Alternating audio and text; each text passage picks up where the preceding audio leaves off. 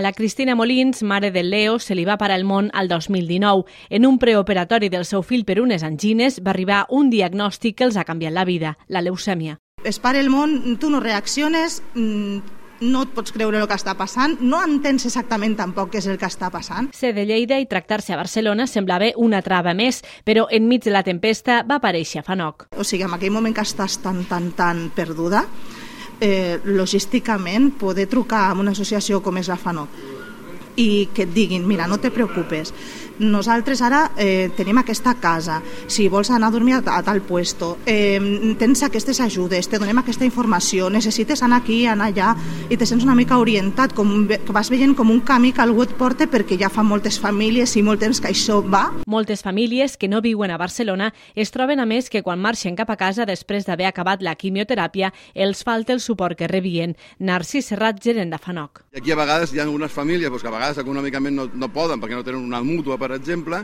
i quan vas a buscar obre el cap, doncs, que funcionen molt bé, però resulta que millor poden donar un mes o dos mesos. Intentem atendre tot aquestes, aquest recolzament, aquesta, però no només a nivell terapèutic, també podem fer activitats, podem fer massatges. A FANOC atén cada any a Catalunya unes 90 famílies amb 200 casos de càncer infantil, xifres que fan que la ciència ho consideri malaltia rara. Per això, només la investigació i els nous tractaments podran donar impuls a aquestes famílies.